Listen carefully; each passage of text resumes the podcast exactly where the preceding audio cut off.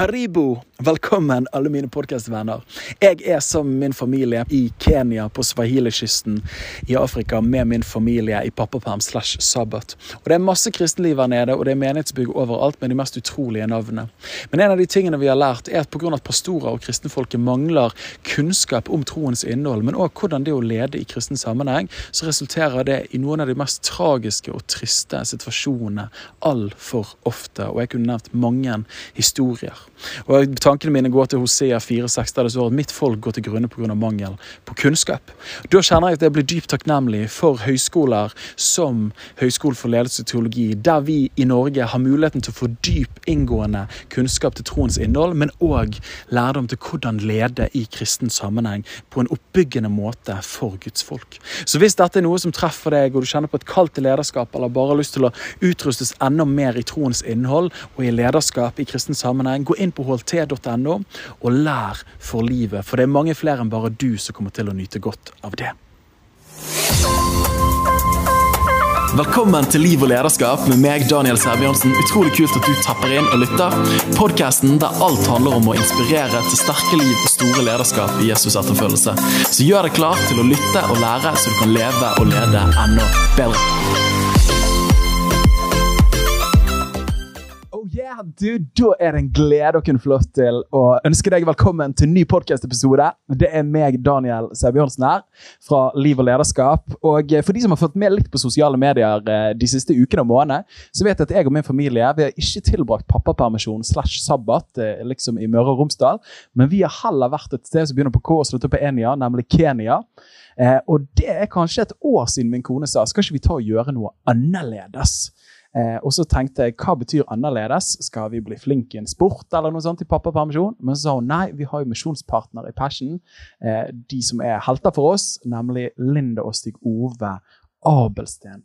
Gisnos. Så dette, storyen er at uh, dette er den første podkast-episoden som ble spilt inn i Kenya, nemlig med disse to vennene, Linda og Stig Ove. Hjertelig hjertelig velkommen til podcast. Tusen hjertelig takk. Tusen takk. Dette er jo så stas at vi får dette her til. Mm. Eh, det må jeg si. Så det kommer til å bli konge. Vi har aldri spilt inn podkast før, så det kan ikke bli noe annet enn veldig bra. ja, det her er nytt territorium for oss. Det blir morsomt. Ja. Så bra. Du, da tenker jeg at eh, eh, Jeg pleier alltid, bare for å bli litt kjent med folk Jeg vet ikke hvordan dere er skrudd sammen, men er dere sånne folk som eh, trenger liksom å få oversikten på ting før du liksom kan gå i dybden på ting? Det var et veldig vagt spørsmål. Ja, det var veldig vagt. Eh, nei Tja Egentlig ikke. Jeg, vil bare, jeg bare hopper inn med begge føttene uansett hva. det tror jeg på. Det tror jeg på. Du Stig, er du sånn, vil du lese en bok grundig, eller er det nok å bare få sammendraget? liksom? Jeg syns det er kjekt å kunne lese en bok grundig, men det kommer litt an på situasjonen. Om jeg kan hoppe rett inn i noe, eller om jeg vil forberede meg. Du er mer sånn grundig type enn det jeg Du vil ja, det, ha overblikk, du vil vite alt, du vil ha all info, alle fakta, før du kan ja. ta en avgjørelse, liksom. Mens jeg er sånn her, bare for et par prosent, så er jeg bare sånn her Yes, let's go, let's, la oss kjøre. Come on. Mens de gode er litt sånn her Heng an, la oss få alle fakta på bordet, la oss finne ut hvordan det fungerer. Ja, det, det, det er sant, det. Så dere er rett og slett et godt team, med andre ord? Ja, vi, vi, er ganske forskjellige, men vi utfyller, utfyller hverandre bra. Ja, så bra, altså. Du, Deilig. Det tror jeg på. Du, Vi trenger å bli litt kjent med dere, da, så da får vi liksom overblikket, sammendraget. Bioen, skjelettet, you name it. Kjært barn har mange navn. tenker Vi, vi begynner med damene først. Eh, men du, Linda, hvor eh, gammel slash ung er du? Hvor er du født? Hvor er du oppvokst? Eh, og så videre. Ja, jeg har da fylt akkurat 33 år forrige uke. Jeg kommer fra Oppdal. Og ja. Hva mer? Tre år. Ja, ja. Oppdal. Det er nydelig. Jeg har bare vært der sikkert et par ganger. Ja, du har vært der i bryllup, i hvert fall. Jeg har vært der, der i bryllup. Stemmer det. Mm -hmm. Hva er det vakreste med Oppdal? Hva er du mest takknemlig for med å vokse opp eh, i Oppdal? Når jeg var liten, så satte jeg kanskje ikke så pris på det, men nå, når jeg er voksen og kommer på besøk, så er det vel naturen, kanskje. Ja. ja det er utrolig fint. Ja, det skjønner jeg. Men jeg har bodd i Nord-Norge, så jeg var 16 år, så jeg føler meg mer som sånn nordlending, egentlig, i hjertet. Men, eh, og dialekten min er helt rana. Så liksom, når jeg snakker med Stig Ove og alle andre, så snakker jeg nordlending. Men nå, fordi jeg snakker med det, så skal jeg prøve å holde fokus og snakke oppdaling. Så ikke blir mamma og pappa litt eh, skuffa, tror jeg. Jeg tror det, ja. ja for det, det, er litt funny. Vi kommer jo inn på noen av, noe av deres kjærlighetshistorie. Men du sa du hadde bodd der oppe siden du var 16 år. Mm. Eh, for jeg kjenner jo dine søsken fra Bergen, mm. eh, og din lillesøster går i kirken vår. Eh, og hun snakker jo veldig oppdøling, oppdaling. Oppdaling. oppdaling. Eh, men så, det var en kveld når vi var og så bare sånn, Herlighet, Linda ikke, og hun er jo søstera, men hvorfor snakker ikke hun sånn som de? Eh, så dette, da har vi fått litt av forklaringen. da. Jeg er ganske dialektforvirra, men, uh, ja. ja. men det, det, er jo et positivt ting. Jeg tilpasser meg fort der jeg bor. da. Ja. Så, ja. Og du kan swahili, blant annet? Ja, kan swahili. Så du har et godt språkøre? da? Ja, det har jeg. Ja. Mm. Har du noe utdannelse? Ja, jeg er helsefagarbeider. Utdanna meg det i Tromsø. Tok lærlingtida på UNN der. Så i bunn så er jeg helsefagarbeider. Ja. Men uh, nå jobber jeg ikke ja, kanskje litt som det, men som fulltidsmisjonær. Ja. Mm. Nydelig, altså. Og uh, sivilstatusen den kommer vi på en måte litt inn på, uh, siden dere er sammen. Men kan ikke du fortelle de som lytter inn òg Er du gift? Ja, jeg er lykkelig gift i 15 år nå. Og vi har fire barn. Tre biologiske, biologiske og en adoptert sønn på 22 år. Eh, og så har vi flere fosterbarn som vi bor med her på Misjonsplassen vår. Ja. Så fullt hus. Helt rått. Så det åh. Og eh, du Stig Ove, du som er ektemann over 15 år, hvor er du fra? Ja, jeg, jeg kommer fra Mo i Rana. Jeg er 39 år gammel. Ja. Mo i Rana, altså, vi, altså, for oss som er sørpå, da. Jeg tenkte jo at Trondheim var begynnelsen av Nord-Norge før. Det stemmer jo ikke helt har jeg forstått med årene. Men, og jeg tenkte det var sånn seks timer til liksom Kirkenes fra Trondheim. Men, men, hvor er Mo i Rana, hvis du liksom hjelper oss å tenke? Ja, Mo, i Rana blir vel cirka ganske nøyaktig midt i Norge. Det er litt grann nord for uh, polarsirkelen. Uh, ja. så, så, det er mer, netto, met, det er mer midt i Norge ja. enn det er Nord-Norge, egentlig. Ja, og så tre timer sør for Bodø. Ja. Ja. Så det er egentlig akkurat på den smaleste delen av Norge. Til Sverige, liksom? Ja. Mm. ja. OK. Så det er ikke langt til Sverige? Nei. Nei, det er snart halvannen time eller noe sånt over til svenske grense. Mm. Nice. Har du noe utdannelse, Stig Ove? Ja, jeg har utdannelse i at jeg er utdanna meg som motormann. Så jeg tok lærlingtid med det, og så reiste jeg opp, opp til Tromsø for å ta videreutdanning, for jeg ville bli maskinsjef ja. om bord på båt. Men uh, det droppa jeg ut på etter ett år, da, så det var en sånn dropout der. da. Men jeg har fagbrevet, fagbrevet mitt som motormann. Ja. Men den videreutdanninga den uh, fullførte jeg bare halvveis. Ja. ja. Og lever nå som fulltidsmisjonær her? Uh, ja, ja, det gjør jeg. Altså. Det skal vi høre masse mer om, og det er utrolig spennende. Altså, jeg, når jeg kom ned her, så fikk jeg altså Vi har jo kjent hverandre litt på avstand. Vi hadde gleden av å ha dere besøk i menigheten og henge med dere før sommeren. Jeg husker dere var innom Passion når vi var helt i begynnelsen hjemme i stuen til svigermor. Og så delte dere. Veldig gøy. Eh, men dere har vært gift i 15 år. Men Linda er jo bare 33 år. Så de som er gode i p-matte, forstår jo at her har det skjedd ting. da. Eh, ganske tidlig. Eh, så kan ikke dere dele den funny historien med liksom, hvordan møttes dere første gang? ja, vi møttes jo ganske ungt, som dere kan skjønne. Eh, vi møttes faktisk eh, før jeg fylte 16 år, i bryllupet til tanta mi. Ja. Eh, for da kom Stig Ove som forlover til han som skulle gifte seg med tanta mi.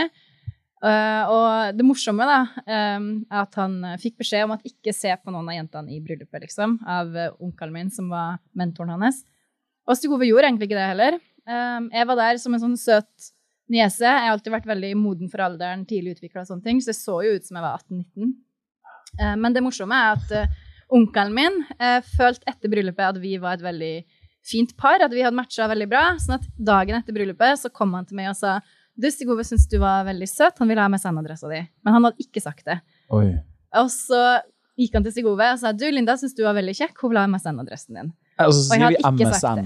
Ja, for da var det jo Messenger. MSN, MSN liksom. Det er liksom det er 15 det er Jeg får good vibes når jeg hører det ordet der. Ja, altså. ja, det er 17 år siden. Da var du 30, 15 år. Ja. Eh, men, eh, men, da spurte Stig Ove hm, Linda, ok, hvor gammel er hun da? Og så sa onkelen min at jeg var 18 år, og da var Stig Ove 22 år. på det her tidspunktet. Oi. Så når han hørte at jeg var 18, så tenkte han oi, det er jo ganske ung, men ja, ok, det er liksom grenseland, men eh, det går greit, vi kan chatte. Men sannheten var at jeg var ikke fylt 16 ennå.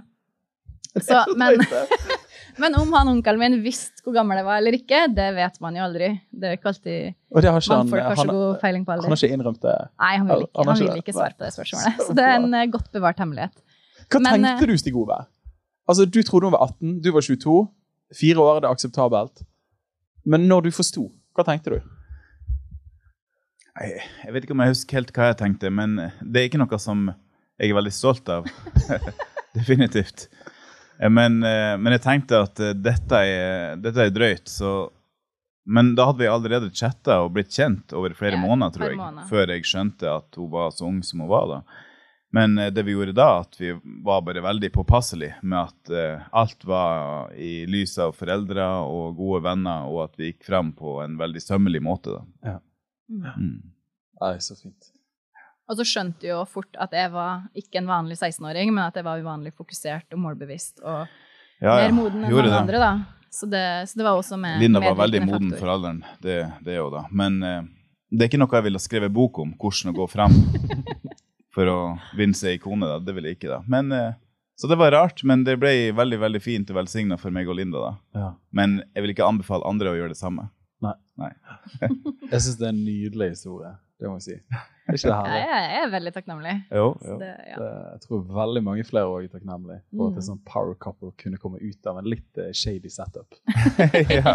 så, og fordelen med å møtes så tidlig er at man rekker utrolig masse. Sant? Ja, det er faktisk helt sant. Det, ja.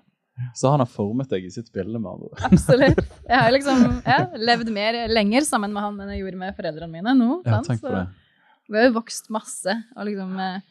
Hva heter det, tvinnes utrolig ja. nært sammen de her årene. For vi har jo vokst opp sammen på mange måter. Mm. Ja. Så det, det, har vært fint. Vi er veldig veldig takknemlige. Hm. Det er sterkt, altså. Sterkt. Mm. Du, jeg pleier jo alltid å ha en litt sånn funny spørsmål. Eh, nå syns jeg dette var ganske funny i seg sjøl. Men for deg, Linda, nå har du vært misjonær eh, i Afrika. Er det hvor mange år? Er det ni år, ja. Mm. Hva har vært ditt flaueste øyeblikk som misjonær?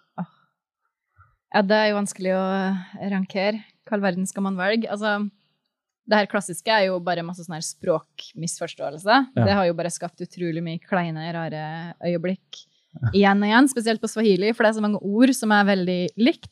Eksempel ordet for å drepe og gifte Altså drepe noen og gifte med noen er ja. nesten helt likens. Det er åa eller oa. Så liksom bare en sånn misuttalelse, sånn, så høres det ut som at du skal drepe noen istedenfor at noen skal gifte seg. Så det, liksom, det, det, skaper jo sånne her kleine øyeblikk hele tida. Men uh, jeg tror det som var sånn her hardest for stoltheten min, og flauest, var vel i fjor, når plutselig i gudstjenesten, når det var dans og alt sånne her ting Og jeg bruker jo å stå liksom tvinne litt på kroppen og liksom danse litt sånn forsiktig. Men så var det en gudstjeneste hvor Doro tok tak i armene mine og dro meg fram på scenen, mm. altså framom hele kirka, og begynte å liksom skulle danse ordentlig med meg. Og da kjente jeg bare oi, det her er skikkelig ukomfortabelt. Det her har jeg ikke lyst til å være med på. Men så tenkte jeg når sønnen din kommer og tar og vil altså tar det med fram så alle ser det, så kan jeg jo ikke bare nekte. Det blir jo bare så dumt ut. Så da sto jeg der og dansa framfor menigheten. da. Stig Ove var ikke der da, faktisk ikke. Men det, det kjente jeg, det satt langt inn. Altså. Ja, det. Det, var, det var flaut. Ah, Men det var litt morsomt. Kunne ønske dere hadde film. Cassie var der faktisk. Hun tok faktisk video av den. det ja. Men den har en Doro lovt at den får jeg aldri lov å publisere. ja, nydelig, altså. Og, og, for deg, Stig Ove, har du et eh, liksom, øyeblikk fra misjonsmarken som står ut for deg? Som er det flaueste? Ja, kanskje flaueste. Ja, nei, jeg vet ikke om Linda ville vært bedre på å svare om det, men det er jo vi, vi er jo i en kultur hvor de er utrolig glad i å danse, da. Ja. Og jeg som er norsk men ikke er glad i å danse. Så det er jo de gangene hvor jeg er på møter og besøker menigheter hvor pastorene blir gjerne litt overivrige og kommer og tar initiativ og drar meg ut på dansegulvet framfor alle sammen. Da er det liksom sånn indre konflikt. Det blir nesten mer ekkelt hvis jeg skal begynne å bryte med dem for å komme tilbake ja, ja. til min egen stol. Så da er det bare å overgi seg og være med i dansinga. Så de øyeblikkene er alltid litt kjipt, da. Men det, det går fint. Men, så, men uh, ja. Det skjer ganske regelmessig. Da. Ja, gjør det, ja. det er ganske mange øyeblikk hvor vi bare må la stoltheten dø, og bare sånn her Å, ja, håper det er ingen, uh, ingen jeg kjenner som ser oss nå i Norge. For det. Ja. det for sånne trause nordmenn så er det ganske mange ting man må brytes fri fra. Ja. Ja, det tror jeg på. Det. Men, men, til gjengjeld, er de veldig, liksom, har de en veldig høy standard på dansingen? Eller slipper du gjennom med å ikke kunne danse så bra? Jeg tror du slipper igjennom. Jeg tror de er glad i De flirer av det uansett. Ja, ja de ler av hverandre ja, ja. og flirer av oss. Du er flink eller ikke, så ler de av det. Ja, okay. det liksom, ja. Men eh, de syns det er veldig kjekt hvis noen danser, selv om de ikke er så flinke. Så syns de det er veldig kjekt. Men de sjøl har jo en utrolig rytme i kroppen, så alle er jo flinke på dans. Det er bare utrolig festlig å se på. Ja, de er veldig karismatiske, bare liksom av person og uttrykksmåte. Mm. Det er jo veldig gøy. Det må jeg si, For å være liksom en traust norsk forkynner og komme ned her, Se at folk bare smiler underveis, er jo nesten litt sterkt. Ja, og I hvert fall når de liksom hoier og ler og klapper. Ja, og roper sånn, 'halleluja, amen' under hele prekenet. Jeg er så god, liksom. så det kan jo sikkert booste ja, jeg òg litt. Ja, ja, men du er så god, det er helt sant. Ja, du er ikke noe traust forkynner. Ohoi. Nei, du er skikkelig god, Daniel. Takk for det. Kanskje det er personalene som ikke bekrefter nok. Oi. Hør, hør, sier jeg bare. Hvis du hører på nå, Mathias Halvor, så er det bare å Og Mats, ja. Så er det bare å Må begynne å bekrefte den. Begynne å bekrefte meg. Ja, veldig bra. Ja, men det, Da er den formaningen gitt, i hvert fall. Ja. Du, så nydelig, altså. Åh, jeg må si at nå har vi vært der, jeg har allerede sagt, vi har vært der to og en halv uke nå. Og det har vært en uke full av inntrykk. Eh, og jeg har fått mange meldinger av folk eh, når vi har vært der. Hvordan er det i Afrika? Og så er det litt sånn et stort spørsmål. Det er litt sånn Etter du har vært gift i, i syv år, liksom. Ja, hvordan er det å være gift? jo, hvor lang tid har du? Men, eh, men, kanskje det jeg sier, er at det er veldig annerledes. Altså Alt her nede er bare veldig annerledes på så mange plan. Mm. Men, men før vi kommer dit, eh, og jeg er utrolig glad for at dere er her og betyr en forskjell for dette lokalsamfunnet i Nsombere B, eh, og her på Swahili-kysten, men det er jo et møte med Jesus som gjør at dere i dypeste forstand er pga. at dere har møtt Jesus, elsker Jesus og ønsker å gi ham videre til mennesker. Eh, så noe av det vakreste er å kunne få lov til å høre noe av trosfortellingen. Eh, så deg, Linda, har troen alltid vært naturlig for deg? Eller når begynte det? Har du liksom en erindring av at du fikk bevisst, en bevisst relasjon til Jesus på et punkt? eller? Eh, ja, troen har alltid vært der for meg. Den har alltid vært naturlig, alltid vært bevisst. Jeg vokste opp i et uh, kjempefint kristent, karismatisk hjem på Oppdal, hvor jeg husker fra jeg var kjempeung at pappa eh, brukte å ha liksom lovsangstunder sammen med oss eh, med gitaren, og det var alltid fokus på bønn, fokus på å kjenne Jesus eh, som en personlig venn fra jeg var liten. Så, så, det har liksom alltid vært naturlig for meg å ha den der personlige relasjonen og oppleve Gud i bønn og sånne ting, som har betydd kjempemasse. Um, så ja, det har liksom alltid ligget der. Uh, men uh, jeg har drømt om å være misjonær siden jeg var fem år gammel. som jeg Kanskje vi kommer mer inn på det senere. Men, eh, men en sånn her veldig spesiell trosopplevelsegreier for meg var når jeg leste en bok når jeg var år som heter Jesus Freaks. Den anbefaler jeg alle å lese. Den var helt livsforvandlende. Altså, den, DC Talk? Ja, DC Talk, Jesus ja. Freaks. Den var helt vanvittig bra. Og den, den, er egentlig bare en samling av historier om martyrer. Uh, og bare den boka, det å se hvordan folk ga hele livet sitt for Jesus, og hvordan han var med, redda dem ut fra ufattelige situasjoner, men òg til og med når det led til døden, så var folk villige til å, å gi livet sitt for Jesus. Det bare, det bare å, ga en sånn her ild i hjertet mitt om at å herlighet, Jesus er verdt alt. Jeg har lyst til å bli misjonær, jeg har lyst til å gi hele livet mitt for ham.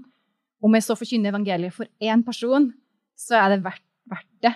Bare jeg følger Jesus. Og jeg visste at Um, så lenge jeg følger han og går i kallet som jeg føler han har gitt meg, så er det den tryggeste plassen i livet å være. Uh, om så han sender meg i en krigssone, liksom, så vil jeg føle meg tryggere der enn å bli værende i Norge, fordi jeg tør ikke å gå på drømmene mine. Så det er bare vekt en sånn her utrolig overbevisning uh, i meg om at yes, Jesus, jeg vil gå for det. Jeg vil gå hvor enn du sender meg, uh, for at jeg vet at du blir med. Wow. Det, så, det, så det er egentlig eh, grunnlaget for at vi er her i dag. Og at jeg har tort å gjøre alt jeg har gjort fram til i dag. Da. Wow. Så den boka anbefaler jeg alle å lese. Ja. ja. Det er gøy at du nevner den boken. her. Jeg husker òg at jeg fikk tak i den en gang. Ja. Da gikk jeg sikkert, var 15 år gammel og leste den. Og gjorde virkelig inntrykk. Mm. Start, altså. Men da fikk du troen inn med morsmelken. på sett og vis. Ja, det altså, tro har alltid vært naturlig for deg. Ja, alltid. Ja. Mm. Det er jo et fantastisk privilegium å ja, kunne få vokse opp i et sånt hjem. Ja, jeg er utrolig takknemlig for en kjempefin oppvekst på Oppdal med både foreldrene mine og besteforeldrene mine i nabohuset, som har betydd masse for meg i min tro. Oh, nydelige mennesker. Eh, jeg kjenner jo det litt, jeg òg. Det er fantastiske mennesker. Mm. Men du, Stig, altså din oppvekst er litt annerledes enn at troen var så tydelig fra du var liten. Kan det stemme? Ja, ja det stemmer. Så jeg hadde ikke en veldig tydelig tro på, på Jesus eh, før jeg ble ca. 18 år, tror jeg. Jeg kommer fra en, en, utrolig god familie.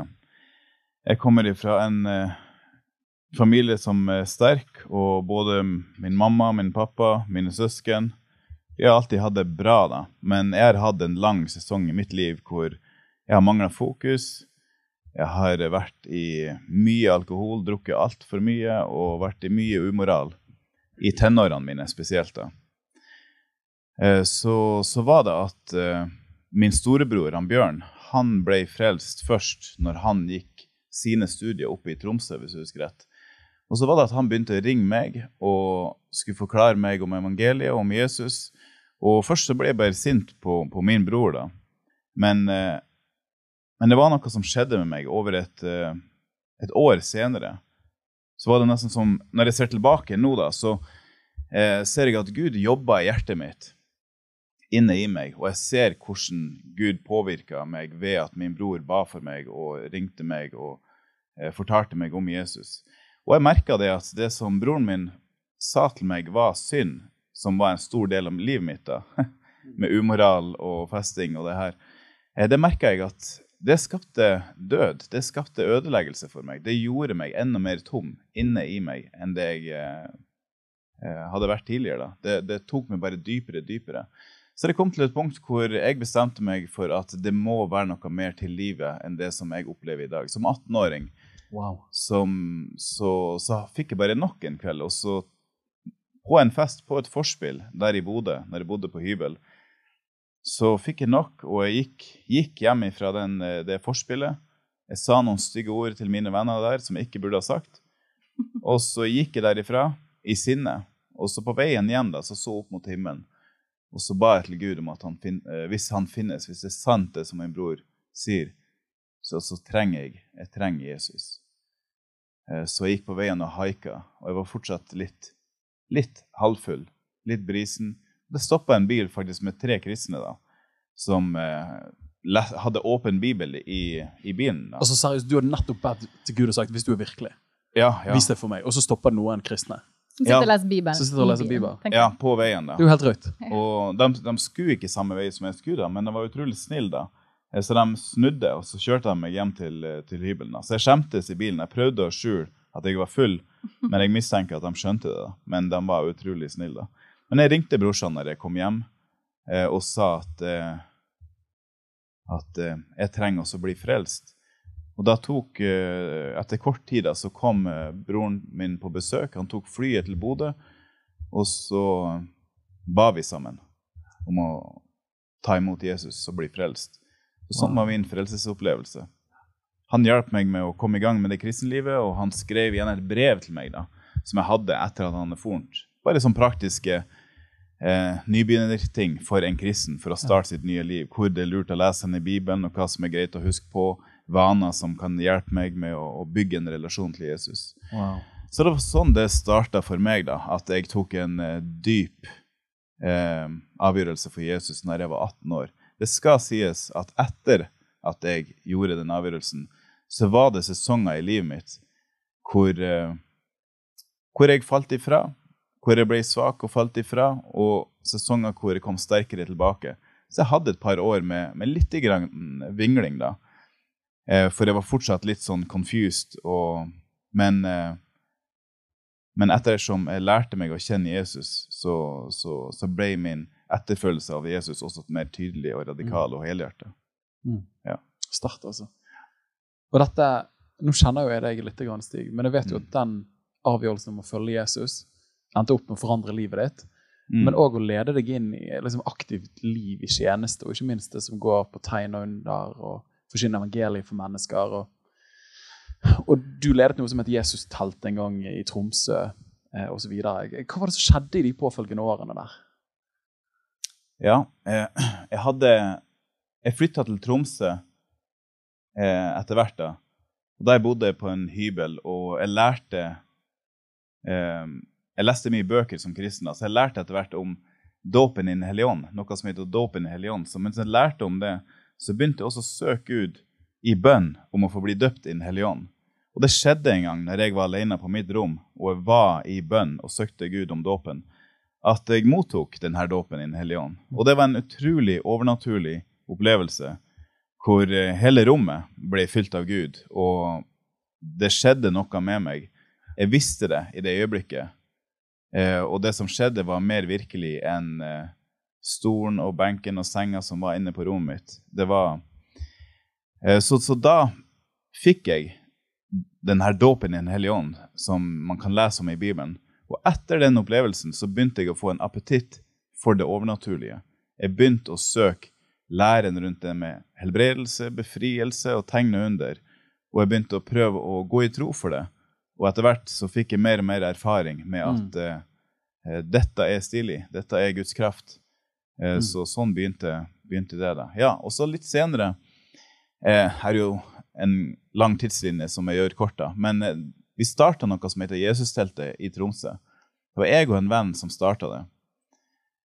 Min venn hadde en misjon som han hadde fått ifra Gud i bønn.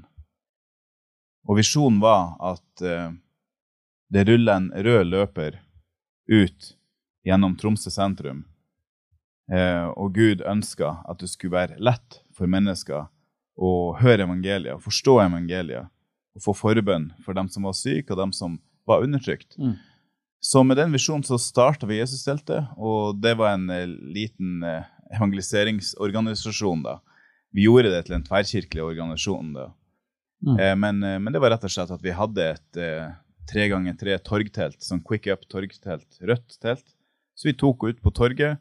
Vi sto der, og vi fortalte Jesus om eh, Vi fortalte folk om Jesus. Vi tilba oss og ba for dem som var syke, og ha samtaler med folk.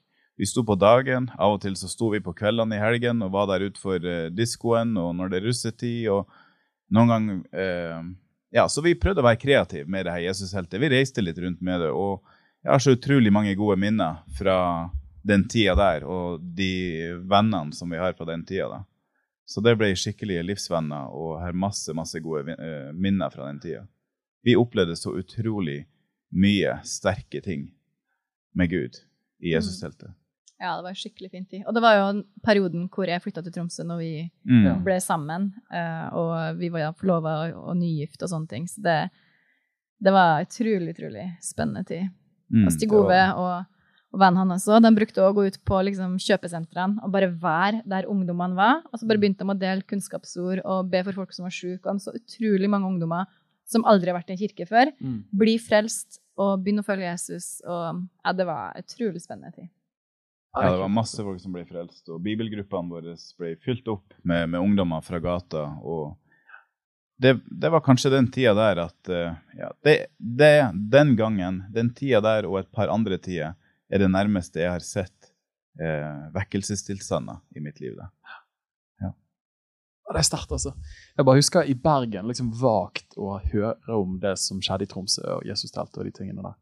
Uh, før jeg ble kjent med dere. Så veldig veldig kult. Og det at dere lever det livet dere lever i dag, er jo ikke noe dere begynte med på Misjonsmarken, men det er noe dere levde hjemme i Norge mm. før dere dro ut til nasjonen. Mm. Ja, til og med når vi var nygift første året. Ja. Så Først Ove jobba på fiskebåt når vi ble kjent, men så fant han fort ut at det å leve turnus to, to uker på fiskebåt, ja. to uker av, det funka ikke når man var nygift.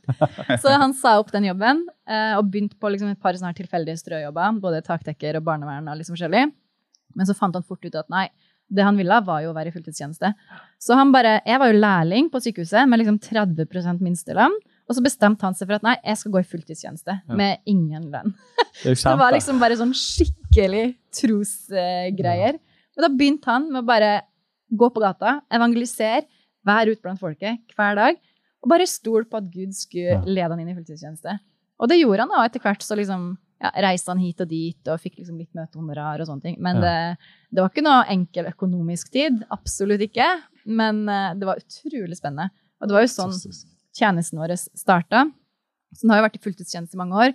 Og det som er spennende, er at når mange, eller flere år senere, når vi flytta til mm. Afrika, så er det jo mange som ble støttepartnere til arbeidet vårt fordi de kjente Stig Ove med fra den tida, sant? de hadde mm. tillit til oss. Mm. De visste at vi hadde vært i tjeneste lenge, de visste at vi var seriøse folk. For hvis vi plutselig hadde dukka opp fra ingensteds, så kanskje de liksom syns Hvem er de her særingene som sier de skal flytte til Afrika? Eh, hvorfor skal vi gi dem penger? Sant? Men nå fordi folk hadde tillit til oss, fordi Stig har vært i fulltidstjeneste mange år, ja. så, så, var det lettere da, å faktisk begynne som fulltidsmisjonærer. Ja, det startet altså. Mm. Ja, nydelig. Og det begynte, det begynte, som du sier, med, med, med mye fattigdom, da, at vi ikke hadde mye penger. da. Ja. Men, eh, men, det hjalp på.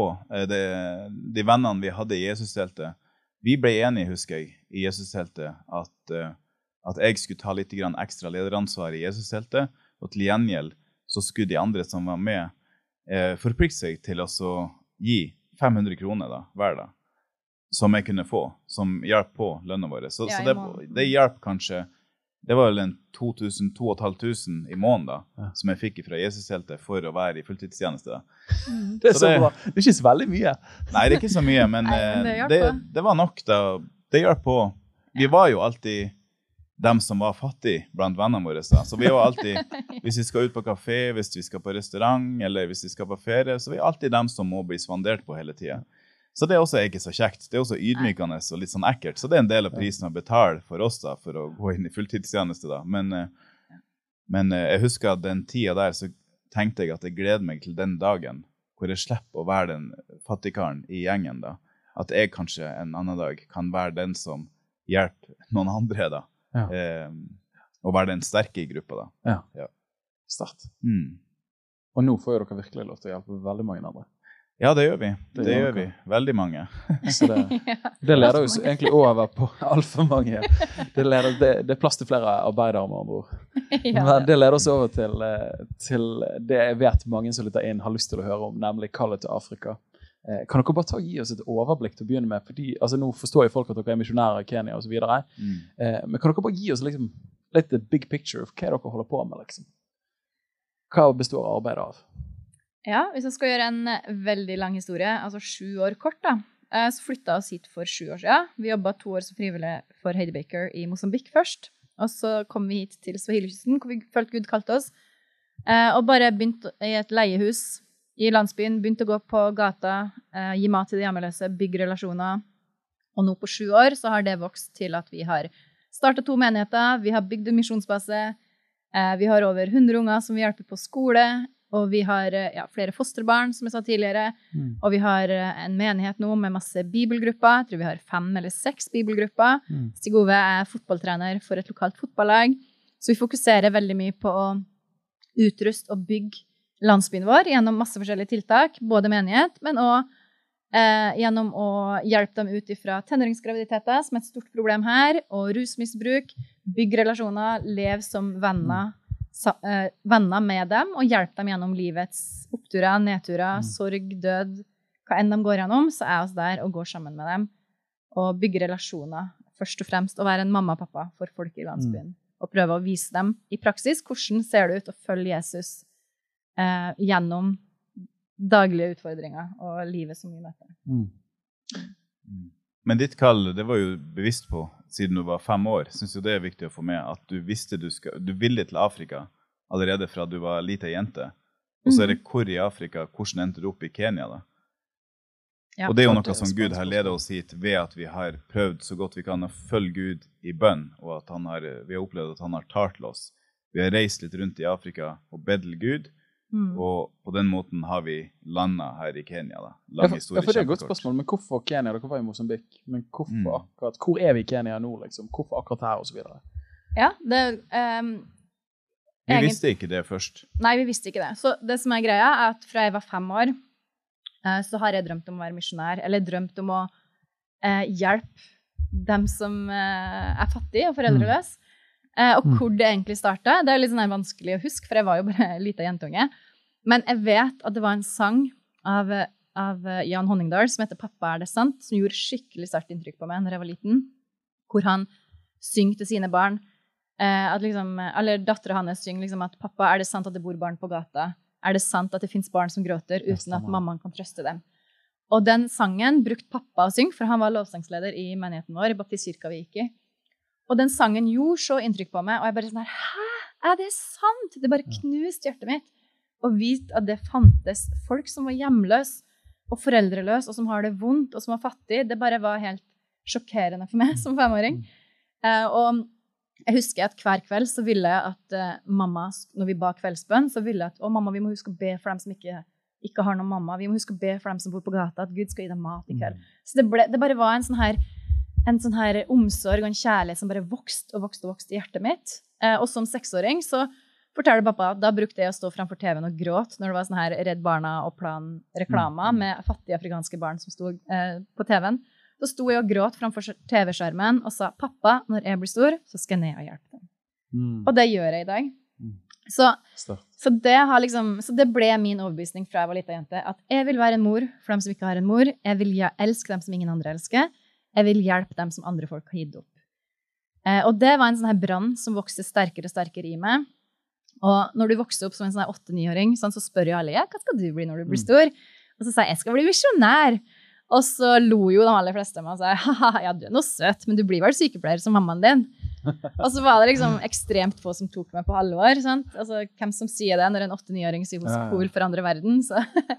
Men så etter hvert så ble det en sånn her indre konflikt med at åh, det er jo ingen som tror på meg. Altså, mm. Er det sant? Er det her helt umulig? Eh, sånn at da, etter at jeg hadde lest denne boka med Jesus Freaks um, med, Nei, ja, Disse Talk med Jesus Freaks, og jeg visste at ok, jeg vet at hvis dette er et kall fra Gud, så vil jeg gå helhjerta inn for det. Men hvis det er sant, det folk sier, at jeg bare drømmer om det her fordi jeg er godhjerta, eh, men at det bare er fra mitt egen, egen, godhet, så har jeg ikke lyst til å prøve engang, for da vet jeg at da blir det bare å være dødfødt. Mm. Jeg kan kun gå på det her hvis det er fra Gud. Så da hadde jeg en sånn spesiell opplevelse som elleveåring hvor jeg skulka skolen en dag, sa til mamma at jeg var syk, gikk inn på rommet mitt, og så sa jeg til Gud Gud, jeg går ikke ut herifra før du forteller meg er det her et kall ifra det, eller er det bare mine egne drømmer. Mm. Eh, som jeg liksom tenker tilbake på det elleveåring, hvem som sier sånne ting. Men jeg var liksom, det her var så heavy på hjertet mitt. Så da åpna jeg Bibelen min helt tilfeldig, og så landa den på 1. Johannes 3, 16, hvor det står eh, På dette har vi lært kjærligheten å kjenne, at han ga sitt liv for brødrene. Også dere skylder å gi deres liv for brødrene. Vær den som har denne verdens goder og ser sin bror lide ned, og likevel lukke sitt hjerte for ham, hvordan kan Guds kjærlighet bli værende i ham? Mine mm. barn, la oss ikke elske med ord eller tunge, men i gjerning og sannhet. Og jeg følte at de ordene bare penetrerte hjertet mitt. Og jeg bare visste at jeg visste at jeg visste at det her var meninga med livet mitt. Jeg var skapt for å dele det jeg har, med dem som ikke har noe. Dem som ikke har vært så heldige og vunnet livets lotto og blitt født i Norge som det er her. Så jeg bare visste at det her var meninga med livet mitt. Og jeg husker at jeg tok bibelen min, løp ut av rommet og sa 'Mamma, jeg skal bli misjonær! Jeg skal bli misjonær!' Så det var liksom første steget. Da visste jeg ok, jeg skal bli misjonær. Men jeg hadde ikke peiling på hvor jeg skulle. Så når jeg sa liksom det for folk at ja, Gud har sagt jeg skal bli misjonær, så er jeg sånn her ja, ja, særlig. Ja, hvor du skal, hvem du skal med, hva er planen? Altså, hallo, du må ha en plan. Ja, ja. Du må dra på et korttidsmisjon med Jesus Revolution, eller du må besøke noen som er misjonærer. Du kan ikke bare vite du skal bli misjonær uten å ha prøvd det. Men jeg bare kjente i hjertet mitt at Gud sa at det skulle jeg ikke gjøre. For jeg visste at hvis jeg dro på et korttidsmisjonsopphold noen plass og fikk en dårlig opplevelse, som man ofte kan ha, fordi det er jo kulturkrasj og alt sånt, så kom jeg til å bli så eh, demotivert at kanskje jeg kom til å tvile på kallet. Men jeg visste at kallet var så sterkt. Så jeg bare følte eh, veldig på at jeg skulle bare gå i Guds tempo, og at Gud skulle åpne de rette dørene for meg til den mm. rette tida. Så jeg bare klamra meg fast til den overbevisninga at OK, det her er Guds kall for livet mitt. Jeg bare fortsetter å prøve å leve helhjerta for Gud, og så stoler jeg på at i rett tid så åpner han de rette dørene. Mm. Eh, og så var det faktisk ikke veldig lang tid etter, eh, for det var noen som sa ja, men du må i hvert fall vite hvor du skal. Afrika er et kontinent. Så liksom begynte jeg å be til Gud om det. da, liksom, OK, Gud, vær snill, vis meg hvor jeg skal. alt sånt her. Og så kort tid etterpå så tok mormor meg med på sånn her besøkshjem eh, til kongolesiske flyktninger i Oppdal. Oi. Og så sa hun liksom sånn Ja, det her er Linda, barnebarnet mitt, og hun skal bli misjonær i Afrika, og ja, det var så søtt. Og så han der som vi var på besøk til, fra Kongo, han plutselig ble han skikkelig sånn Å, Linda, heter hun Linda? Og så gikk han og henta swahili-norsk ordbok i hylla si.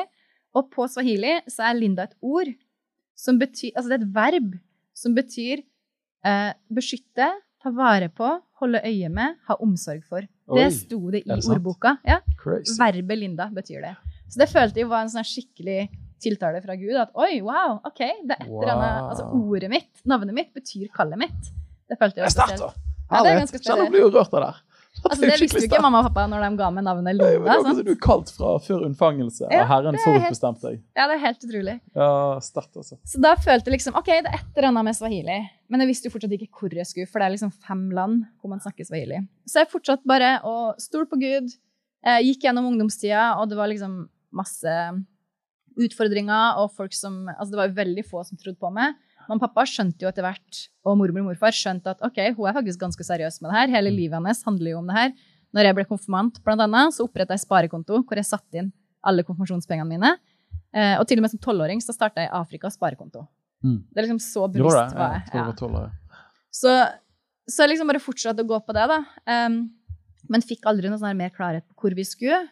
Men så var det i den perioden i Tromsø når vi var nygift, uh, så fikk jeg høre om Heidi Baker for første gang. Da var det en venn som kom hjem fra Reading med en DVD av Heidi Baker som han satt på.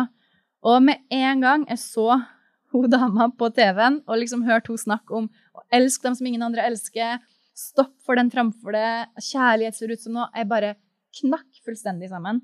Og jeg bare følte at Gud kobla hjertene våre sammen, og at det kallet hun hadde, det matcha helt med det kallet jeg har. Og jeg visste at Gud eh, ville at vi skulle lære av henne.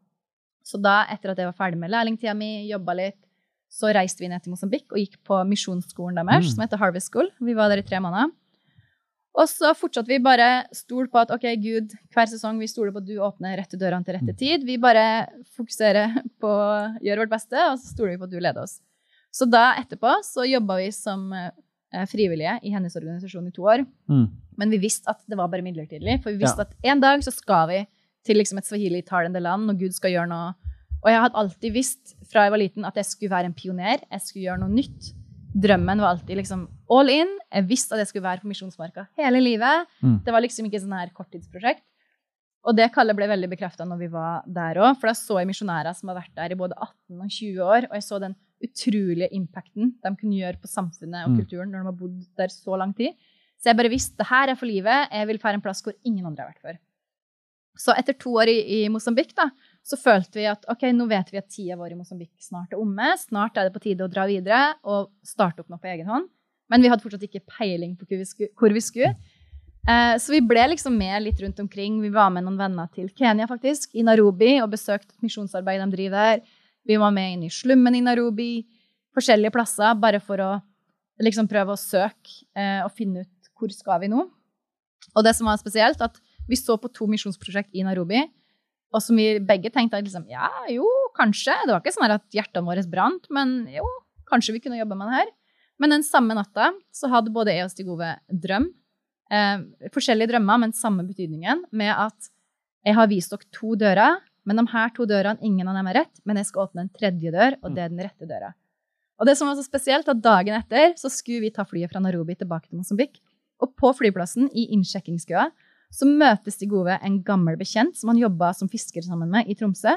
Oi. Som sa liksom der Hei, Stig Ove. Å, er det du? Nei, jeg skal til Kilifi. Kom og besøk meg der. Og vi var liksom sånn her Oi, det var random.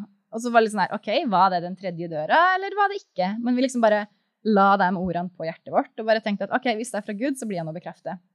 Så vi for tilbake til Mosambik, og så var det et par måneder senere. Da var det bare et par uker til vi hadde billetter for å dra tilbake til Norge. Eh, og så da ga Gud meg en visjon hvor han viste meg en brann som brant eh, opp gjennom Mosambik. Og så opp, la, oppover langs kysten, igjen til Tanzania, gjennom Mosam eh, Kenya og til Somalia. Så jeg bare en ild som for opp der. Og så så jeg ordet Swahili-kysten. Og det hadde jeg aldri hørt. Jeg visste ikke at det var noe som het Swahili-kysten engang. Så jeg bare googla det, og så at det er navnet på den geografiske kystlinja fra sør i Somalia Kenya, Tanzania til nord i Mosambik. Det heter Swahili-kysten. Wow. Og så tenkte jeg bare OK, det var interessant.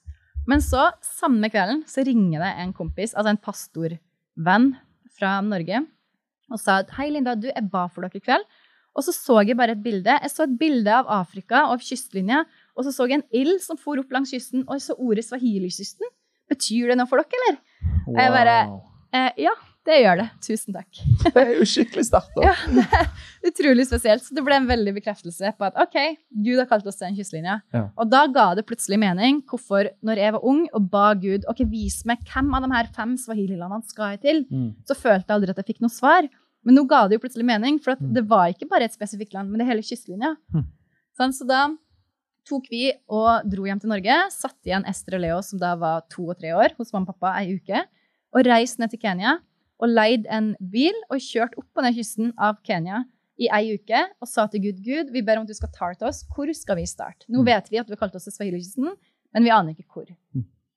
Eh, og det som var spesielt, var at når Gud først sa at vi skulle til Kenya, så ble jeg veldig skuffa. For jeg var liksom her, åh, Kenya det er det kjedeligste landet. Alle har misjonsarbeid i Kenya. Mm. Det er jo liksom oppbrukt. Men da viste Gud meg at kystlinja, hvor han har kalt oss, der er det over 90 eh, muslimsk. Og det er masse unådde samme på mm. Kenyakysten. Fordi at alle som driver misjonsarbeid, nesten alle, de har eh, arbeid i Vest-Kenya, altså i Narobi og området der. Men sånn på kysten er det nesten ingen misjonærer. Så her er det masse unådde folkeslag. Mm. Så vi reiste da i denne bilen opp på den kysten, og på dag fire så kom vi til Kilifi. Og når vi kom inn i sentrum av Kilifi, så bare kjente vi på en sånn fred i hjertene våre begge to, og bare så på hverandre og sa jepp, this is it. Her er det. Wow. Og da to måneder senere så tok vi med oss to unger, fire kofferter, og flytta inn i et helt tilfeldig leiehus i landsbyen. Og bare sa til Gud OK, hva gjør vi nå? Hvor skal vi starte? Du har sendt oss hit. Vi aner ikke hva vi skal gjøre. Hvor vil du vi skal starte? Og da var det faktisk Ester, som da akkurat har fylt fire år, som sa, når vi ba sammen, så sa hun at eh, Gud hadde minnet opp på noen unger som hadde sett på søppeldynga, som drev og lette etter mat, og spurt kanskje vi kan starte der. Så sa jeg ja, det var en god idé, Ester. Så da hørte vi på Ester, og vi begynte å gå på søppeldynga og dele ut mat til de hjemløse, og be for syke. Og sånn starta tjenesten vår. Så kom det flere og flere folk, folk som ville bli helbreda, folk som ville høre om Jesus. Og sånn starta tjenesten vår for noe over sju år siden. Wow! Altså, det var heftig. Oi, oi, oi. Det tror jeg er faktisk den heftigste liksom, monologen eh, med innhold jeg noen gang har hatt i en podkast. Det der var rått, altså. Ja, lang historie, men samtidig hjertekort. Oh. Men, det, men det har vært utrolig spennende å se hvordan bare det å eller den største lærdommen føler jeg at jeg har fått fra det, som jeg håper kan inspirere andre, det er bare det å ikke føle at man er nødt til å ha alle svarene, mm. eller alle stegene. Eh, for jeg føler liksom at mange ganger kan det bli en sånn fristelse at man vil ha en tistegsplan eller en femårsplan, eller man må liksom vite alle potensielle utfall før man tør mm. å gå på noen ting. Men for meg, bare det, jeg har liksom bare alltid gått ett steg om gangen. Aldri visst hva som ligger framfor neste sving. Mm. Men bare tort å stole på Gud og stole på at han leder. Og så lenge jeg følger han, om eh, det brister eller bærer, så vet jeg at han er der. Og, da, ja. og det har gått kjempebra. Og det er utrolig spennende. Veldig sterkt å høre. Altså Her er jo mange ting. Dette er jo mange preker i, bare, i, bare i løpet av disse setningene. Men det at dere har hatt en attitude av tro Dere har trodd, dere har lent dere framover. Mm. Men også hvordan Gud har møtt dere på hvert punkt og gitt dere eh, visdom for veien videre. Mm. Sterkt, altså. Det, ja, det har vært et eventyr. Og det fortsetter å være et eventyr hver dag. Ja, det tror jeg på, altså. Mm. Og veldig sterkt å høre om din fortelling fra du er tilbake til du er fem år, og den kallsbevisstheten du hadde, og som helt sikkert ikke alltid var like enkel eh, mm. når du vokste opp og venninner ville andre ting. Men òg dere som par, kan du bare spørre om det. Når dere møttes tidlig, men du hadde et så tydelig kall. Mm. Var det på en måte en del av premissene for at dere ble sammen? Eller var det liksom etter dere var gift? Du, forresten, jeg skal til Afrika. Opp, stakkars. Eh, det hadde vært dårlig gjort. altså, hvordan funket det Stig, hvordan funket det for deg? Har du hatt et kall til Afrika, eller har det vokst på deg, eller osv.? Jo, jeg Når jeg ble kjent med Linda, så Jeg var veldig glad i evangelisering. Jeg var veldig glad i bønn og det med tegn og under. Og så møtte hun Linda, og hun sa dette med Afrika og hennes kall dit. Ja, for det sa jeg til det etter bare noen få uker. Med en gang vi begynte å liksom flørte litt og litt sånn, så sa jeg jo det til han. Ja. Og hva Men, sa jeg da, husker du? Nei. Jeg sa du, forresten, jeg skal, jeg skal flytte til Afrika og bo der resten av livet. Hva tenker du om det? Mm. For da visste jeg at hvis han liksom var negativ til det, så var det liksom bare spikeren på kista og bare OK, eh, vi fortsetter ikke. Ja, Men nei. da sa du ja, jeg sa at uh, jeg var glad i å evangelisere og kaste ut demoner, helbrede syke. Og jeg ville trivdes enda mer med det hvis jeg kunne bare gjøre det i shorts i Afrika. Det var det jeg sa. Det tror jeg, da. ja. Det er nydelig. Ja. For jeg var lei av å fryse oppe i Tromsø, i Jesus-teltet. Og Jeg tenkte at hvor digg. Kan du bare, bare gjøre deg shorts? Bare rulle ut av senga, ta på seg shortsen og sandalene, og så rett i Jesus-teltet omtrent. Men uh, men, jeg, men når jeg møtte Linda også, så følte jeg personlig at jeg hadde fått et ord fra Gud på min lønnkammerplass. Jeg leste, og så kommer jeg over et skriftsted hvor det sto og David tok seg ei kone. Og når jeg leste de ordene, så var det nesten som om de ordene angrep meg. Det var nesten som om Guds kraft møtte meg gjennom de ordene. Så jeg tenkte, hva er det med de her ordene? og kanskje er tida inne for meg å ta meg ei kone. Eh, og så begynte Gud å tale til meg om Linda. Så personlig, før jeg sa det til Linda, selvsagt, jeg sa ikke til Linda at du, Gud har sagt at vi skulle gifte oss. Ja, For det er dårlig framgang? Ja, det, det ville vært en dårlig framgangsmåte. Vi, ja, vi har allerede gjort en litt dårlig framgangsmåte før det. Men, eh, men da hadde det i hvert fall en sånn confidence inni meg at jeg følte at, Linda, at jeg og Linda var ment å være sammen. Den ja. confidencen hadde inn, jeg, jeg følte at Gud hadde ledd leda meg til Holinda. Og derfor så Så selvsagt så vet vi jo at ekteskap at vi blir ett når vi gifter oss, og at hennes kall er mitt kall. Mitt kall er hennes kall. Eh, så, så når Linda forteller om sitt kall, så skjønte jeg oi, dette er mitt kall. Jeg oppdaga mer. Jeg ble kjent med meg sjøl, med mitt kall, gjennom Linda. Mm. Min reise med Jesus begynte mye senere enn Linda. Så jeg hadde ikke gjort med de erfaringene og kommet så langt i mitt kristne liv som Linda hadde. da. Så jeg oppdaga mitt kall gjennom å, Linda. da. Mm. Ja, kult, altså. Og jeg Men, kunne lett ta det til meg som mitt kall, fordi at jeg visste det var meg og Linda. Ja. Og selvsagt visste Gud hvilken kall Linda hadde. Sant? Så det bare ga logisk mening og, og enkelt kunne overgi meg til det som Linda sa, dette er kallet. Ja. Start, altså. Og jeg tenker, Dette her er jo bare ord av visdom for alle som lytter inn òg at ofte i dag når folk kommer sammen, så er det liksom målet for relasjonen er relasjonen sjøl. Mm. Men da blir det veldig fort tomt. Der, Men det må være en misjon som er større enn relasjon, for at man kan få lov til å trekke i felles retning. Mm. Absolutt. Ja, jeg tror det er veldig viktig å finne ut hva er kallet mitt, hva er mm. meninga med mitt liv, før man finner seg en kjæreste. Mm. Og det, det synes jeg liksom, Selv om både jeg og Stigove var ung, så grunnen til at det gikk an å gifte oss så tidlig, det var jo fordi at vi allerede var så bevisst på hva vi ville med livet. Hva er Guds kall? Hva er meninga med livet vårt? Det var ikke sånn at vi rotløst flakka rundt og så bare 'Å, jeg trenger det. Liksom, jeg trives ikke med meg sjøl, så jeg vil ha noen å gifte med.' Men nei, det var heller det motsatte. At jeg visste at ok, jeg har en veldig tydelig plan for livet mitt. Jeg har masse å gjøre i mitt liv. Gud, jeg trenger å gifte meg. For jeg visste at med det kallet jeg hadde, og at jeg skulle pionere noe nytt, eh, så visste jeg at jeg trenger en mann å stå sammen med mm. i tjenesten. Jeg kunne ikke reise ut på Misjonsmarka som singel. Det visste jeg. Så da fikk jeg litt sånn her Å, herlighet, men hva hvis jeg ikke møter den jeg skal gifte med før jeg blir 30? Tenk hvor mange år jeg kan mm. tape da. Ikke sant, ja. Så det var liksom sånn her Jeg tenkte liksom der, OK, Gud, hvis, hvis, alle de her planene faktisk er fra det, så må du sende meg noen jeg kan gifte med tidlig. Yes. Uh, og det, det, gjorde han jo, da. Bare et par måneder etter at jeg ba den bønnen, faktisk. Og jeg hadde en sånn veldig spesiell opplevelse når vi begynte å bare chatte sammen. For det var sånn her, altså Jeg visste jo han var seks år eldre enn meg, sant? så jeg hadde jo liksom skikkelig sånn her eh, angst. og liksom sånn her, Så du visste om det? Ja, jeg visste du visste du var 15? Ja, jeg visste at jeg var 15. Så jeg torde ikke å si noe. Så jeg var litt sånn her, å herlighet, hvordan skal jeg oppføre meg? Skal jeg si hei? Skal jeg bare avvise han? Skal jeg flørte? Altså, hvordan skal jeg være? Jeg Det var kjempeengstelig. Eh, men da følte jeg liksom, før jeg bare svarte han første meldinga, så bare kjente jeg at Gud sa til meg, Linda, bare slapp av. Før jul så skal dere være sammen. Mm. Og det, det, skjedde faktisk. Vi ble sammen i november. Vi møttes i august og ble sammen i november. Så, det, så jeg har følt liksom veldig på at ok, jeg hadde fått Guds fred for ja. at det her var rett. Og det var veldig avgjørende mm. eh, for hele reisen vår. Da, og at vi kunne måtte ta den avgjørelsen om å både bli sammen tidlig og gifte oss mm. tidlig. Og så hadde oss jo da som sagt foreldrene mine med på laget hele tida. Og det tror jeg var veldig avgjørende. At alt skjedde i lyset. Vi hadde liksom Stig Ove ba om velsignelse eh, ved hvert steg som jeg tror eh, var helt avgjørende. Veldig modent. Ja. Mm. Så det Åh, altså, jeg digger dere, altså. Det har vært så gøy. Og det må jeg si, å bare få lov til å være her disse ukene.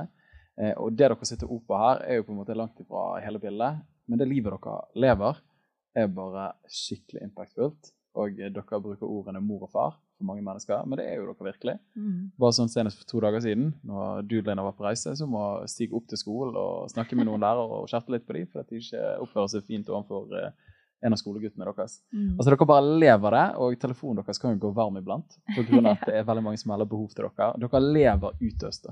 Uh, det er sterkt, altså. Uh, og jeg må si at jeg personlig uh, Nå kommer jeg fra Kristen-Norge der man møter folk som har vært ute i misjonsmarken i ulike perioder, Gud velsigne de, så spør du dem hva gjorde de egentlig på misjonsmarken. Jo, vi jobbet uh, og liksom sorterte bøker på det biblioteket, og så hadde vi en bibelgruppe en gang i uken. Så er det sånn å tenke ok, er det misjon, liksom? Altså, ja, ok, kanskje misjon, men, men, det må jo være noe mer, liksom.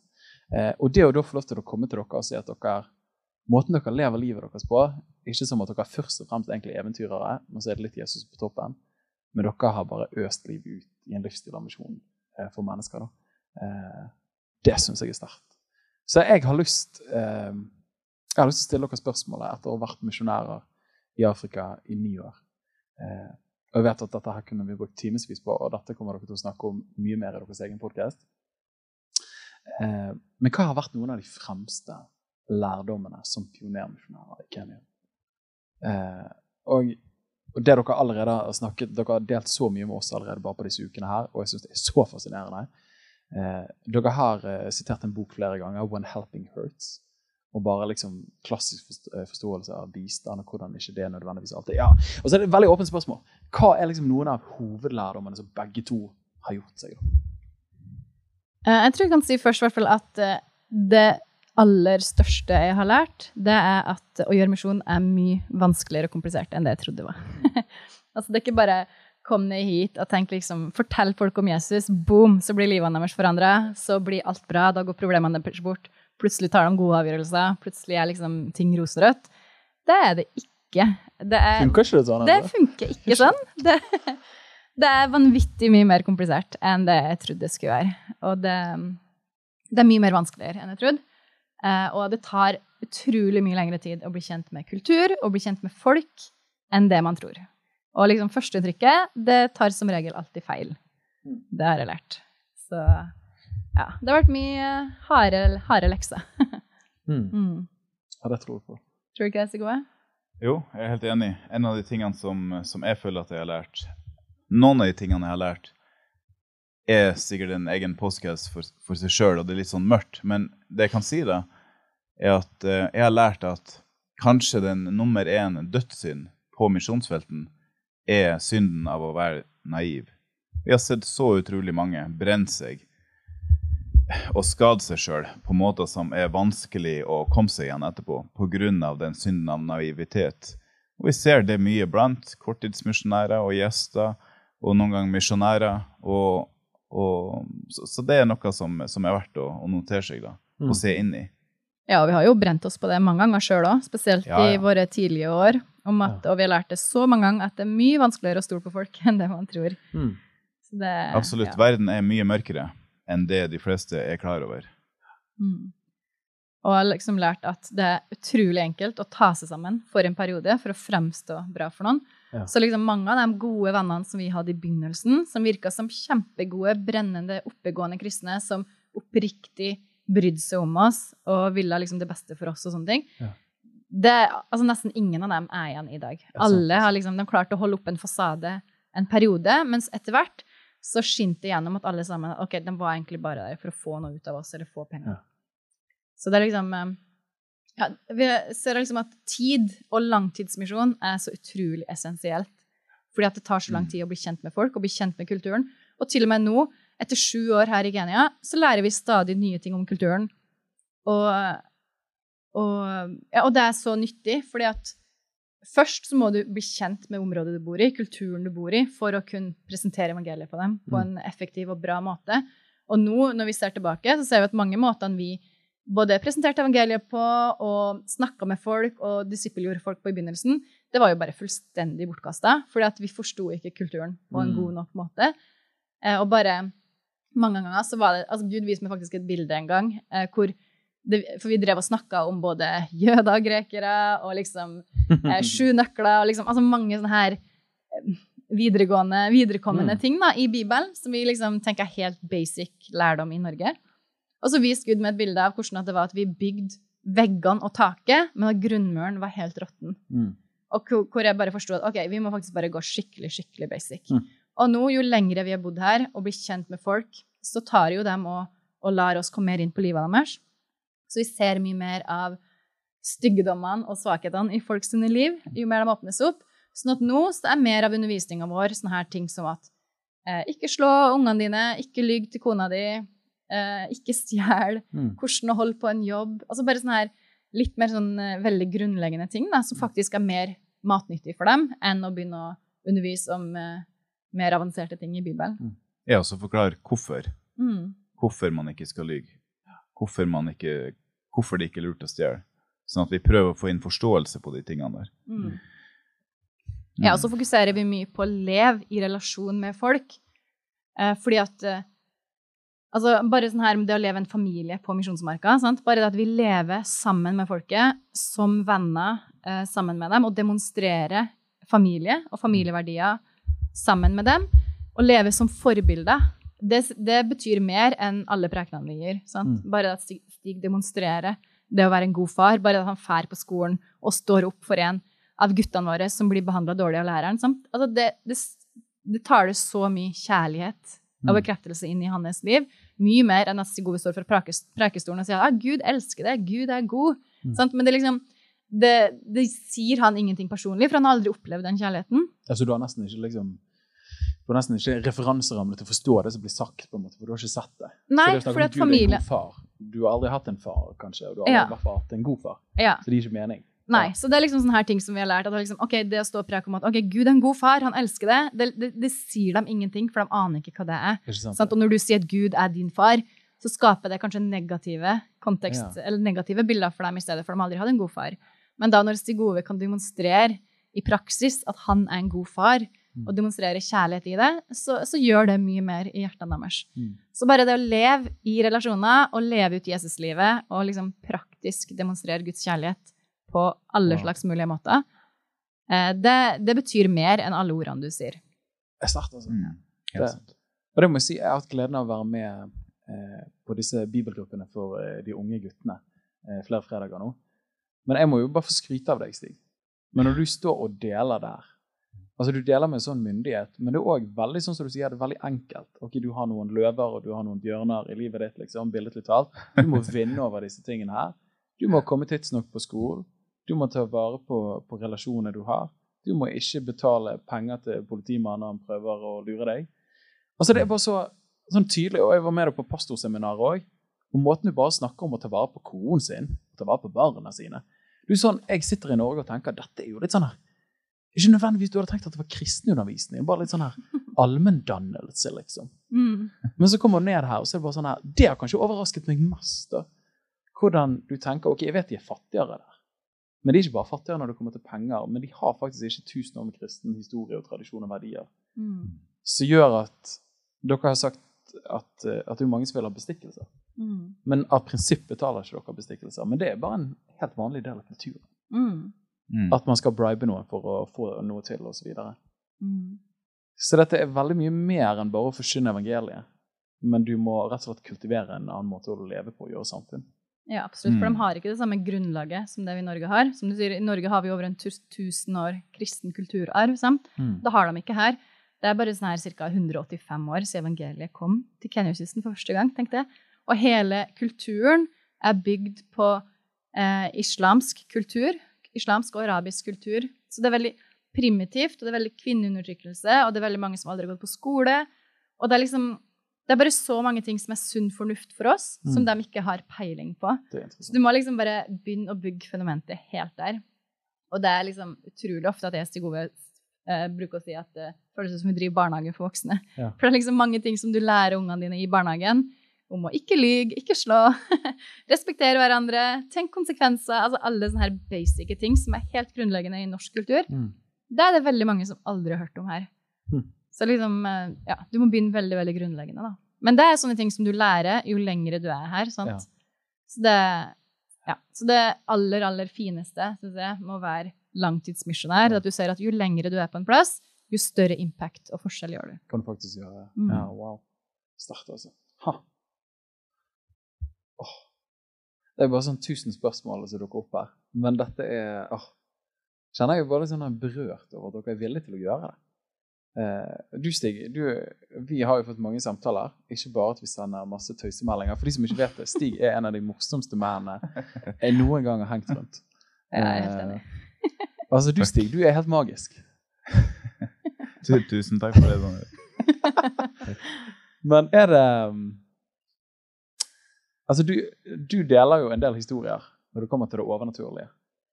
Kan du bare fortelle litt om hva er folk sitt forhold til det overnaturlige her, Stig? I type, både dette kontinentet, men særlig her i Kenya og deres erfaring? Ja. Liksom, hvis folk blir helbredet, er det sånn at de endrer hele livet sitt og tenker 'Å, Jesus var virkelig Nå bare forandrer jeg alt'? Eller hvordan, hvordan funker det? Ja, nei, Jeg kan prøve å gi et uh, kort svar på det. Men uh, det overnaturlige Kulturen her bærer utrolig mye preg av at uh, det er en unådd kultur. Så det er et fravær av evangeliet i hele kulturen. Definitivt. Og det bærer preg av tradisjonell, mye tradisjonell tro. Eh, sånn at eh, folk sin, måten for, folk forholder seg til det åndelige, det overnaturlige, er fra tidligere av at eh, det er mye heksekraft i området. da.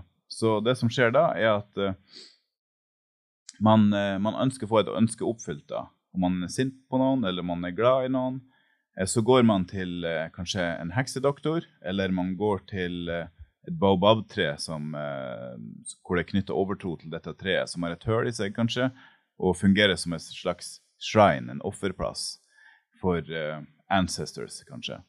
Og så legger man igjen eh, til det man velger som shrinet sitt, da, om det er heksedoktor eller et baobab-tre, eller det kan være andre ting også. Men så legger man igjen noe av verdi der, og så sier man ønsket sitt, om det er forbannelse eller velsignelse og så går man. Mm. Eh, og da får man liksom ønsket sitt oppfylt, da. Når man har gjort det offeret der, ved det shrinet, da. Så da kan man få, på en måte eh, Da kan man få hørt bønnene sine, men uten at det krever noen ting av hvordan du lever livet ditt på. Mm. Så jeg tror mange de, eh, måten, måten de tenker om åndelighet på, og bønnesvar, mange trekker sin gamle modell, modellen som, eh, som, fungerte bra for dem i det tradisjonelle, i måten å drive heksekraft på. Man tar det med inn i menighetslivet. Og så kan for mange kirker bli som et slags shrine eller bønnemøte. Og så lager man gjerne mye støy, og man synger, og man danser, og, og man chanter navnet Jesus. Og så tror man da at, eh, at man har blitt hørt, bønnene sine har blitt hørt men man forandrer ikke livene sine. Så man går hjem, man fortsetter kanskje å slå kona si, man fortsetter å delta i korrupsjon, man fortsetter å lyge. Eh, mens med det kristne evangeliet da, så er det jo det med omvendelse som yes. har en høy verdi. Omvende seg fra synd og så følge Jesus. At velsignelsen er der i det å omvende seg fra synd og følge Jesus. Så den omvendelses, omvendelsesbiten faller mange ganger kort for uh, de lokale her på kysten. da. At uh, de er glad i møter, glad i støy og kirke, men uh, det er få som tar det til det personlige livet sitt mm. med Jesus. At de faktisk omvender seg ifra synd. Så det er et stort problem. Også du får en stor gruppe folk som, hvor de tenker at det er helt greit å leve et slags dobbeltliv i kristne sine øyne. Mm. Fordi at det var vanlig før Kristus. Så mange har på en måte bare bytta ut Shine eller heksedoktoren med Jesus. Mm. Så det skaper komplikasjoner, da. Så det må gjøres dyp disippelgjøring inn i det for å, å hjelpe folk videre mm. i, um, i, de der tingene. Da. Var det greit forklart, Linda? Eller? Ja, og det er jo derfor oss fokuserer så mye på bare leve sammen med folket. Altså gå gjennom hverdagens oppturer og nedturer sammen og vise ja. dem i hver spesifikk situasjon de står i. ok, Hva ser det ut som å følge Jesus i denne situasjonen? Altså, nå står du i en situasjon hvor du har valget mellom å lyge eller ikke lyge. Eller ikke lyge. Eller nå står du i valget mellom å betale korrupsjon eller ikke betale korrupsjon. Hva skal du velge? Mm. Altså bare veilede dem gjennom de eh, spørsmålene, da. Steg mm. for steg. Det, det gjør vi veldig veldig masse. Ja, det det. For det er ikke nok at dere bare sier det eller preker det, eller har på en måte en case eller en tankeøvelse. Men du må være der i situasjonen når det skjer ved siden av dem, ja. og vise dem en bedre vei. Ja. Absolutt. Ja, for det har vi sett veldig mange ganger. At vi kan liksom snakke om ting, forklare dem ting. Vi kan gi dem nøyaktig et eksempel av det de blir å gå gjennom i morgen. Ja. Mens så står de der i den situasjonen, og så er det nesten som at de ikke husker hva de skulle velge, eller de bare klarer ikke å ta den avgjørelsen likevel. Mm. Eh, så du, du, må liksom være veldig tett på livene deres. Så, så, det er veldig tidkrevende, men det, det er veldig ja. Og det ser jo du som har bodd her nå et par uker. Ja, det er jo veldig intenst. det er jo ungdommer og folk som eh, oppsøker oss hele tida. Ja, både kommer og går. Ja. Mm. Så, men det er jo utrolig ja, hva skal jeg si, eh, fint og rewarding eh, når du ser at det funker, funker da. og dem få som Eller dem som faktisk skikkelig griper Jesus og finner han og velger å følge etter han. Ja, så det er verdt, det er verdt å påpeke det at, at, det er lett å ha møter og få folk til å rekke opp hender i været. Ja. Fordi Jesus han gjør jo mirakler her på kysten. da. Så han blir en, en, bedre alternativ enn heksedoktoren. Han blir et bedre alternativ enn baobabtreet og shrinet. Eller, eller Allah. Ja, eller Allah. Så han blir den sterkere heksedoktoren. Mm. Men det er jo feil å tenke, så, tenke, sånn om Jesus, selvsagt.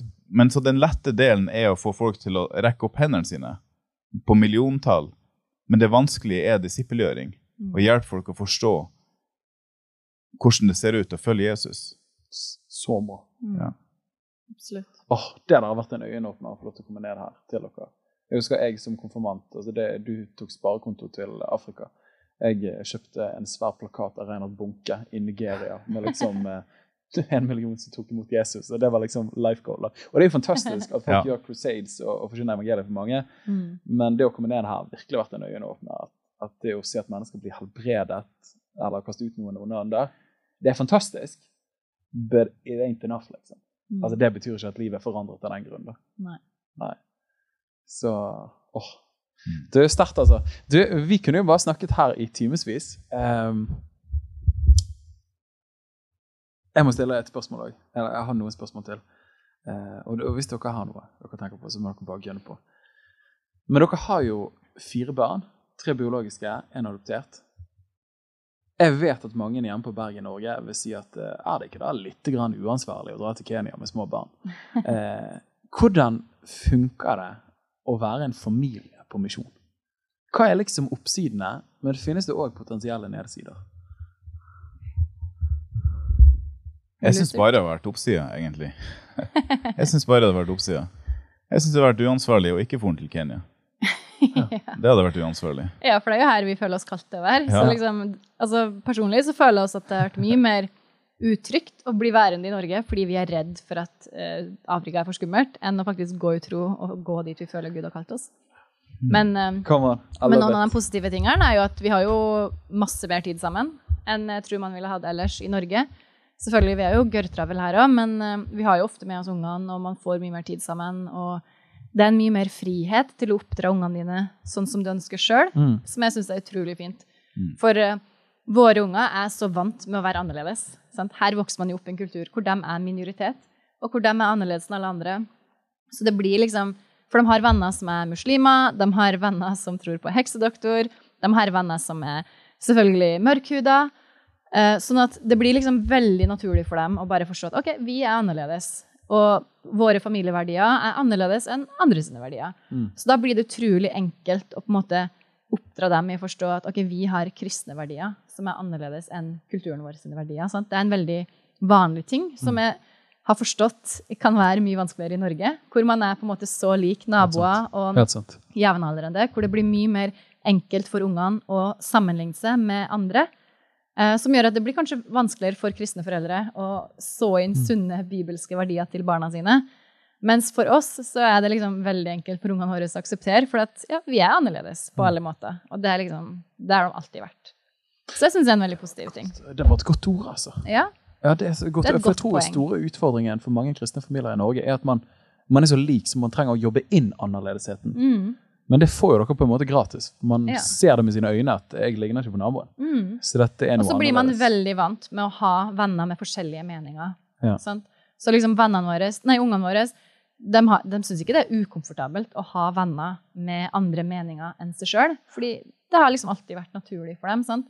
Mens nå når vi var i Norge i tre måneder og, møtt, og jeg snakka med mange folk der, så forsto jeg at det er mange som syns det er skikkelig ubehagelig bare det å være på en arbeidsplass og si høyt at du har en annen mening enn mm. kollegaene dine. Det syns folk er skikkelig ukomfortabelt. Mm. Mens her så er det liksom Altså, vi lever i det 100 av tida. sant? Så man blir liksom utrolig mye mer vant med å leve i, i denne spenninga da, mm. mellom kulturen man lever i, og bibelske verdier. Mm. Som jeg tror er en, en, veldig veldig stor fordel for ungene våre når de vokser opp. Det var kult, altså. Mm. Og ellers så er det jo bare gørrkult å bo her ja. i bushen.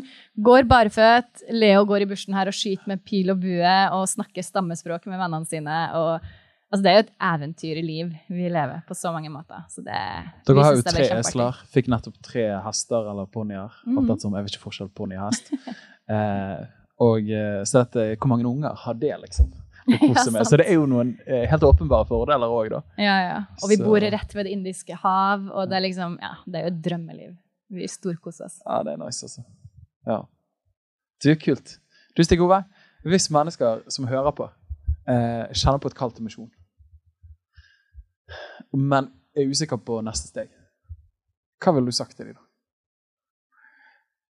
Ja, jeg kan, jeg kan prøve å gi et, eh, et, råd, da. Men selvsagt, alle sin situasjon er jo så forskjellig at det, det kanskje ville vært uh, forskjellige svar avhengig av hvem som spør og hvor de er i livet. da. Men, uh, men, for meg, så Hvis jeg tenker tilbake, da, så var så var dette med menighet ofte en liten sorg for meg som jeg hadde da. Jeg skulle gjerne ønske at jeg hadde et nærmere forhold med menigheten. Eh, og tilbake i de dagene i Norge hvor vi bodde der, så var det nok ikke alltid at jeg var så lett å jobbe sammen med for menigheten. Men, eh, men jeg skulle fortsatt ønske at vi kommer fra en sterkere menighetsbakgrunn, jeg og Linda, og at vi reiste ut sammen eh, med, med, menigheten, da, altså mm. ut ifra menigheten. Så hvis det er noen som ønsker å gå ut i misjon, da, så ville jeg valgt Eller så vil jeg gi det rådet at, at uh, man deler sine ønsker og tanker med sin pastor. Gjør sitt for å stå sterkt sammen i en menighet. Ja. Og ta det inn i lyset til menigheten og til din familie. Og så jobb med det sammen derifra. Med egen familie og med menighet. Og jobb med det sammen. Eh, så det har ikke vi gjort perfekt. Men det har heller ikke vært så enkelt for, for meg og Linda heller. Men, eh, men ideelt sett så, så, vil jeg si at det hadde vært bedre. Ja. Det var et godt ord. Ja. Vil du legge til noe, Linda, eller hva tenkte du? Nei, jeg vil uh jeg ville kanskje råde dem som ønsker å gå inn i misjon, om å lese boka 'Jesus Freaks' og få skikkelig hjertet tent i brann på at uh, følge Jesus er verdt det, uansett hva det leder til. Om det leder til lidelse eller død eller uh, failure, så er det verdt det. Mm. Bare følg Jesus, følg drømmene dine, tør å tro, tør å prøve. Og husk at det er bedre å prøve og feil enn å være så redd for å mislykkes at du ikke tør å prøve. Mm. Go for it. Godt ord, altså. Godt ord. Eh, det, men du, hvis folk og menigheter har lyst til å bli bedre kjent med dere, hvordan koble seg mer med dere og arbeide, og kanskje støtte dere økonomisk, eh, hva er den enkleste måten å befriend you guys?